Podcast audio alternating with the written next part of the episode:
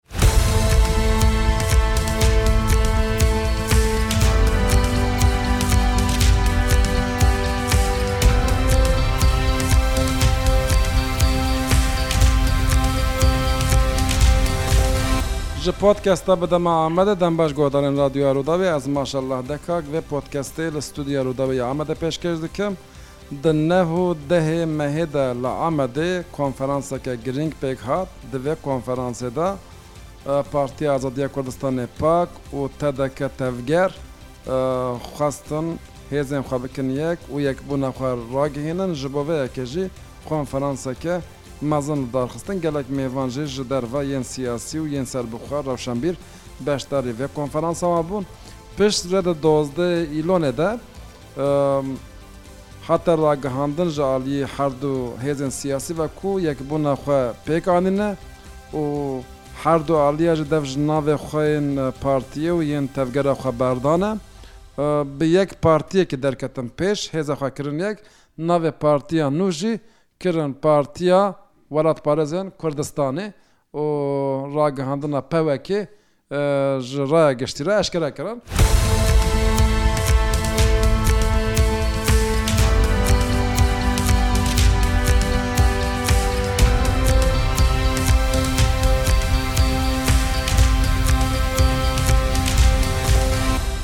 Li ser vê mijarê em ê birêz Cano Amedî re biaxivin ku ew bi xwe berê serkêşê tevgerê bû di Yekbûna tevgerê û pakê de jî roleke sereke leyîst bi cî anî. Pêre de axifim. Bi xêratî birêz Amedî. Nav xêrê de bin save. Gelek sipas. Vê pirsim, ev demeke dirêj bi ku pak hebû, tevgera we hebû ku bi navê TDK tevger bû. Belê. Xebatên we yên siyasî hebûn. We dev ji vê rabûrdîya xwe berda, ji navê xwe berda, ji vê komikên xwe berda. Partiya Azadiya Kurdistanê PAKê jî wisa we biryar da ku wan hêzê xwe bikin yek û we PWKê ragihand. Çi bû sedem ku hûn hatin bahev, ev fikir ji ku derket? Ya em bi rastî wek hûn jî zanin dîroka Kurdistanê dîrokê gelek kevnar e. Di warê siyasî de tecrûbeyê me gelê gelê zêde ne lê mixabin heta îro ji bo hestên netewî, ji bo hişmendiyekê netewî, ji bo berjewendiyên giştî û yê netewî gelek cara hewldanên yekîtî gavên berbihev hatine avêtin nav partiyên siyasî de. Ev bi ser neketiye.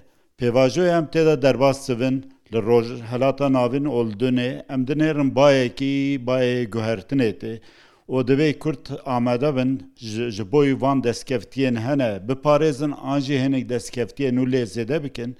Divê xwedî hêzekî netewî bin. Me ev pêwîstî dît kî bi partiyekî, bi grûbekî, bi hinek aliyan va yanî her kes kare di warê xwe de, di rêbaza xwe de bimeşe lê ew berjewendiyên giştî û hevpar karibin ser bingehekî, rêbazekî li hev bikin û hinî destkeftiya Bi aliyekî çê nabe. Divê em destê xwe bidin destê hev. Bi hev re wek bereyekî, wek yekîtiyekî siyasî, netewî. Me nirxand ev sal û nîvekî ye. Beriya wî bêjim sê sal berê Li Amedê civînek çêbû, em pênc alî hatin cem hev, Tevger, Pak, PSK, KDPBakur û Pelkurt. Me pêwîstî dît kî ser hinik daxwazên acîl em bi hev re kar bikin. Karekî xebatekî hevbeş. Demekî bi wî awayê em çûn lê pişt re du alî ji hinekî aliyên sebebên siyasî an jî rêxistinê xwe vekişandin. Em sê alî man. Wek hevkariya sêqolî hat bi nav kirin. Me di nav civatê de xebatekî kir. Bi hev re daxuyanî dan, bîranîn bûn. Di dema erdhêjê de em li seranserê bajarên ku bin tesîra erdhêjê de mabû em çûn Xebatên alîkariyê kir, piştgiriya gelo kir. Di wê demê de me hevdu nas kir. Sal û nîvekiye Rêveberiya Pakê û Rêveberiya Tevgerê me di nav xwe de me got cudayê me çi ne, nêzîkbûnê me çi ye. Yanî di kîjan xala de em ji hev dûr in, kîjan xala de ewk in. Me sal û sal û di me falan minaqaşeyên navxweyî kirin. Em hatin wê evkê wê merhelekî gelek tiştê me yên mişterek hene.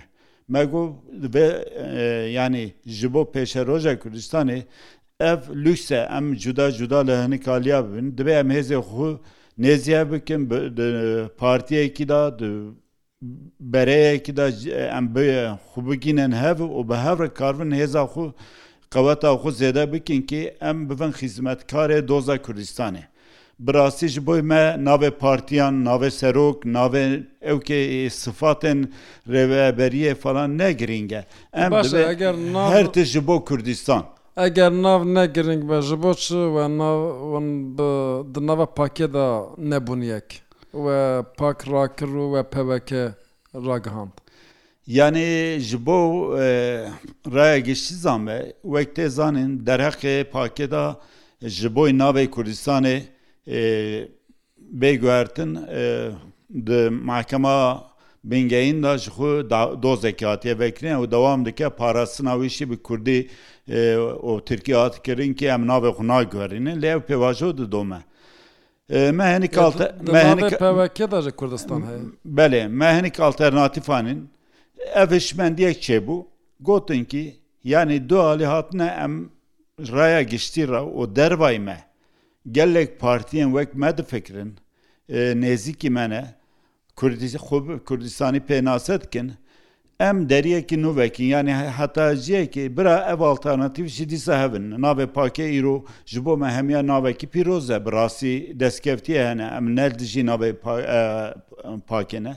Lê hinîk sebebên teknîkî ji bo em mesajekî bidin der û dorê xwe yên din jî bi vî awayî Biryarekî ya jî daxwazek hat di cî de dîtin, her du aliya gotin çêdibe, lê sibê alternatîfê me yê yekem, duyem, sêyem heye, eger sibê bêjin asengî derkevin ya jî dewlet vî navê şewk neke, ser navê pakêşê em bikarin em ê xebatê xwe bidomînin an jî bi navekî din. Mesele çi ye? Ji boî doza Kurd û Kurdistanê bi rastî em ê çawa bi kîjan şêweya xebatekî bikin bidin meşandin. Baş e. Ji boî wê em divê navne girîng e. Te destpêkê de di nirxandeya xwe de te got ev salek û nîv me bi hev re da û stand. Me got ka çiyê me ji hev dûr in û çiyê me nêzî hev e. Çiyê we ji hev dûr bû? Di vî yek sal û nîvê de we çi dît? Yanî bi rastî jî wek dûrbin karên rêxistinê ne. Ew hişmendiya ji rêxistinbûnên tedî ev karekterên berê tên. Em hemû kadroyên demekî beriya heştê kadroyên rêxistin û partiyên îdeolojîk bûn. Lê ji salên heştê ji sûda fikra netewî daha bi hêz bû, ew bandor li ser hemû aliyan kir. Di nav hevalên PAKê de, nav hevalên tevgerê de an jî Hak Par an jî KDP Bakur an jî bengeha HDPê de Gelek însanên netewî difikirin hene, gelek bingehekî netewî heye. Em dixwazin kî ji wan kodê îdeolojîk dûr bikevin, ser kodên netewî em nêzîkî hev bibin. Ji bo wî jî ew ê nêzîkbûna me û dûrbûna me ew noqteyên û ew jî em karin li gora wan îdeolojîk ewkê berê bikin. Lê em îro dibênên sedî heştê em wek hev difikirin ça Sedî heştê çê dibe nuans hinekî cudayî hebin, partiyekî demokratîk, partiyekî demokrat di nav xwe de bi vî alî de di nav malbatê de jî car car ne ew dibe lê bi giranî ji bo statuya Kurdistanê, ji bo daxwazên Kurdistanê û ji bo destkeftiyên îro hene li başûrê Kurdistanê an jî li perşê din Û ji bo pêşeroja Kurdistanê em wek hev difikirin. Baş e, gelek kes li bendê bû ku pak û psk bibin yek. Çimkî danûstandinê wan zêdetir bû. Pênc qolî ava kirin piştre. Ew qol hemû ew mil bi awayekî belav bû. Tenê têkilîya psg û pakê ma. Her kes li bendê bû ew bibin yek. Ew jî ji hev veqetiyan. Wan bûne yek. Ev merhale çawa çê dibe nav partiyên siyasî de? Yanî bi rastî me û pkk belkî wek kevneşopî em ji salê heştê de yanî heftê niha de UDG hebû, Ulusal Güç Birlî digotin wê çaxê, PSK bi navê wê demê de DDQD û QUK Hevkariyekî çêkirin lê bi ser neketin sê çar maya doman ew kilwe pişta li Avrupa an jî li bin xetê gelê hevkarî û karê ewk çêbûn dema not û şeşan de not û çaran de pênc partiyên kurd bi navê PSK dîsa xebatekî yekîtiyê çêkirin du sal dewam kir ewk dewam nekir Psek û pak berê pêvajoyî dan ber xwe hatin xala dawî ser nav şilhev kirin ser nava Rokêşê ew ki lê ji hinî sebebên teknîkî û navxweyî bi ser neket. Piştre di nav tevger û pakê de ev xebat û diyalog dest pê kir. Bi rastî her du alîşî di wê hişmendiya destkevtiyên Em bi dest bi komboy berjeyendeyên Kurdistanê fedekarî kirin. Me pêşî ji hev re vekirî got, yanî mesele han li vir ha li wir nîne. Em ê çawa bivin adresekî netewî, çawa bivin adresekî nû û ji gelê xwe re rûpelekî nû vekin. Îro siyaseta çil sal e şerê çekdarî bejin hatiye gihîştiye ewkê em li encam dinêrin. Tiştekî bi dest berbiçav tune ye û her diçe civata me ber bi Tirkiyebûnê va diçe, ew jî xeteriyekî mezin dibînin, metirsiyekê ji bo civata me. Em divên ji bo wî yanî em rêyekî nû nîşan bidin, bînvedanekî ji bo wan ewkan ve jî en azinda siyaseta sivîl derxin pêç kî Deriyekî nû veve însan karibin daxwazên xwe yên netewî, daxwazên mafê miletbûnê, ew mafên ji miletbûnê tê, bixe rojevê. Kê masî zimanê kurdî bibe zimanê perwerde, bibe zimanê fermî, nasnama kurd dê ew ke Qanûna bingehîn de bi cî bibe. Di hinek merhelan de em karibin bi hev re gav bavêjin. Em deriyekî nû vekin. Ji bo wî jî me biryara hêzên xwe bikin yek. Lê ev ya destpêk e. Ev dikare bibe hêvî ji bo partiyên din jî ku bên bi we re hevkariyê bikin. Belê belê ez dixwazim wî bêjim. Vî ya hê destpêk e.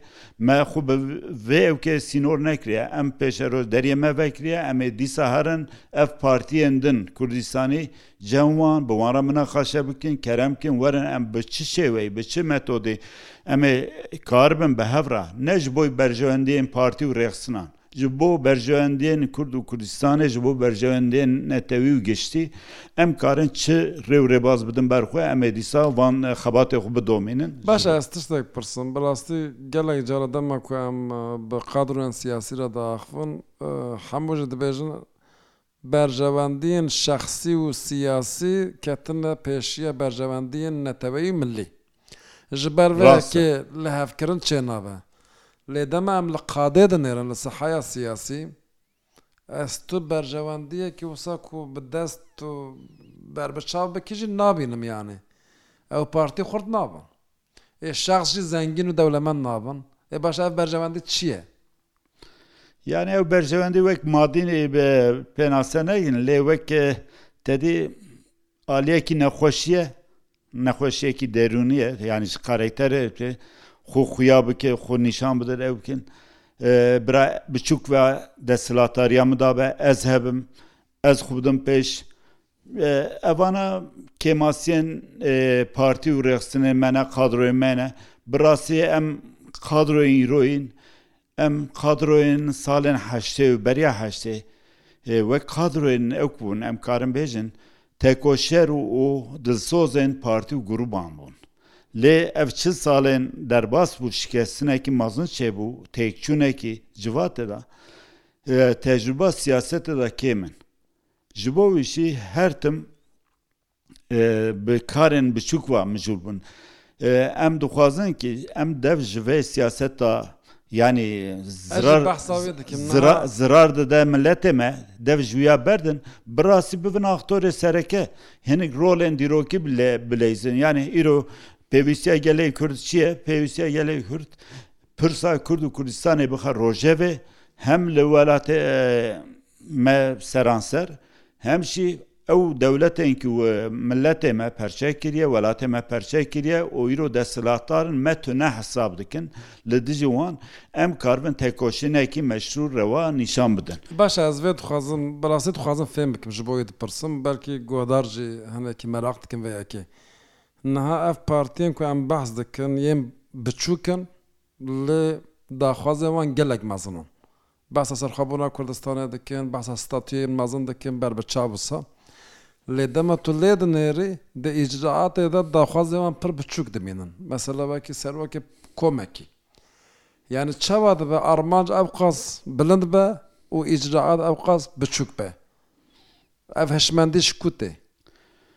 Yanî bi rastî li gor qanata min ev hişmendî ya ji ev fîkir ji ew çepîtiya ku em ji kemalîstên Tirka fêr bûn, ew çepîtiya çewt, ji wir tê, îdeolojîk arguman, Di wê demê de digotin partiyekî herî rast heye, ew jî ezm ê dervayî min hemû kevneperest in, ewhan in, ewhan in wek dijberê xwe didîtin. Ew mê jî ça di wek karekter ser qadûrên ew bibe, dervayî xwe ew bikin.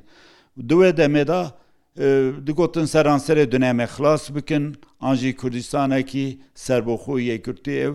Lê di pratîkê de karên biçûk ew tune bû. Em dibêjin Stratejiyekî bi rastî serxwebûna Kurdistanê dahîl tê da wek hedefekî sereke bide ber xwe lê ji statuya herî biçûk bigire heta ew stratejiya herî mezin di vê hemû merhalan da Kurd wek metode Li gora şert û demê xebatên xwe û têkoşîna xwe bide û ew bikin. Zimanê Kurdî destpêk da em divên îro em karibin bi hemû pêkhatiyên hene bi hev re bixin rojevê û zimanê Kurdî bibe zimanê fermî, zimanê perwerde. Ev bile destkeftiyek mezin e. Em karibin sermayedarê xwe, civata xwe bêjin kî sermaya xwe li bazara xwe xwedî derkevin bi hişmendiyekî kurdî û kurdistanî ew destkeftiyek e. Em karibin di dîwarên dadikeran de tuxleyekî jê bikişînin ew destkeftiyek e. Tiştê herî biçûk carina dibe kîlîda deriyê mezin. Ji bo wê em pir zêde ew kê rê û rêbazên xwe sînor nakin. Em divên karên em karibin em ê bikin ji wir dest pê bikin. Baş e vê bipirsim niha gelek partiyên li derveyî HDP'ê piranî siyaseta xwe da bi axaftinê xwe, bi gotinê xwe, gelek cara bi gotarên xwe, bi nêrînên xwe yên ku medyayê re didan dijberiyeke berbiçav ya HDP'ê hebû. Hûn wekî Partiya Welatparêzên Kurdistanê ku partiyeke nû we ava kir, wan her du hêz bûn yek. Mesafe yan têkiliya we û diyaloga we yan jî nêrîna we ya li HDP'ê wê çi be? Wan ê serkevne şopiya berê nêzik bibin an wan dikarin bi wan re jî car bi car diyalog deynin. Yani Hevkariyê ji- bikin. Ji bo me esas îlke û prensîbên Ku- e, Kurdistanê ne doza netewî ye. Bi rastî ji ser îlke û prensîbên ew kê va esasî em bi her kesî re em karin e, xebatin di hinek xalan de ji bo feyda bike miletê Kurd û bo Kurdistanê Bo hebe nimûne. evê bike. Lê e, em viya jî zanin îro Ez naxwazim hdp partiyekî yase ye lê wesayetekî heye. Ça ew wesayet û biryardar cihekî din be em li gora di şert û deman em karin ve bikin ez naxwazim hûn bikevin wê têkilê yanî ji bo wan biraderan jî çunkî Nihayetinde ew nelivirin nabe. Ew wesayetekî din ê bi cîkî din ve girêdane. Ê asil biryardar ciyekî din ê ye. Ez zanim godervanê me jî fam dikin ke derê e lê naxwazin wane bikin. Lê heva ew biraderên HDP'ê serkêşiya eger siyaseta Tirkiyebûnê û bidin ber xwe û bi vî awayî ew bikin bi rastî tu merhelên meriv kar bibin. Lê ser xalên Kurdistanî ji boy zimanê Kurdî, ji bo şand, ji boy hinik destkevtên Kurdistanî eger bi rastî ser hinik îlke û prensîp, kê ew çi ye, dibê sitatiya Kurdistanê bê qebûl kirin, rêzgirtina ala Kurdistanê ye, destkevtiyên Kurdistanê bên parastin, vekirî vana di siyaseta xwe û ew dijberiya navbera civata Kurd a rawestînin anca bi wan şert û merc û îlkên prensîbên Kurdistanî mer bikare bi hev re kar bike. Lê tu dijberiyê bikî û destkeftiyên Kurdistanê ye binpê bikî, statiya wî tune hesab bikî, hikûmeta Kurdistanê nas nekî, ê bi rastî tu herî bi partiyên çepê Turkaran têkilî deynî û wan ser miletê Kurd desthilatdar nîşan bidî ev ya nayê qebûlkirin. Baş e, di xebatên wekî ziman de te got em dikarin car cara hevkarî bikin. Mesela bo nimune platforma zimanê kurdî hebû, neh partiyên kurd bi hev re bûn. Di wê platformê de hûn ê cih bigirin ji bo bidestxistina mafê zimanê kurdî. Yanî di vê warî de ez zeniya tişkî bêjim zû ye. Em partiyekî nû ne. Partiya Welatparêzên Kurdistanê bi rastî me gavekê avêtiye. Kongra me ya yasayê hevdê Mehê de ye, li Anqereyê wê bibe.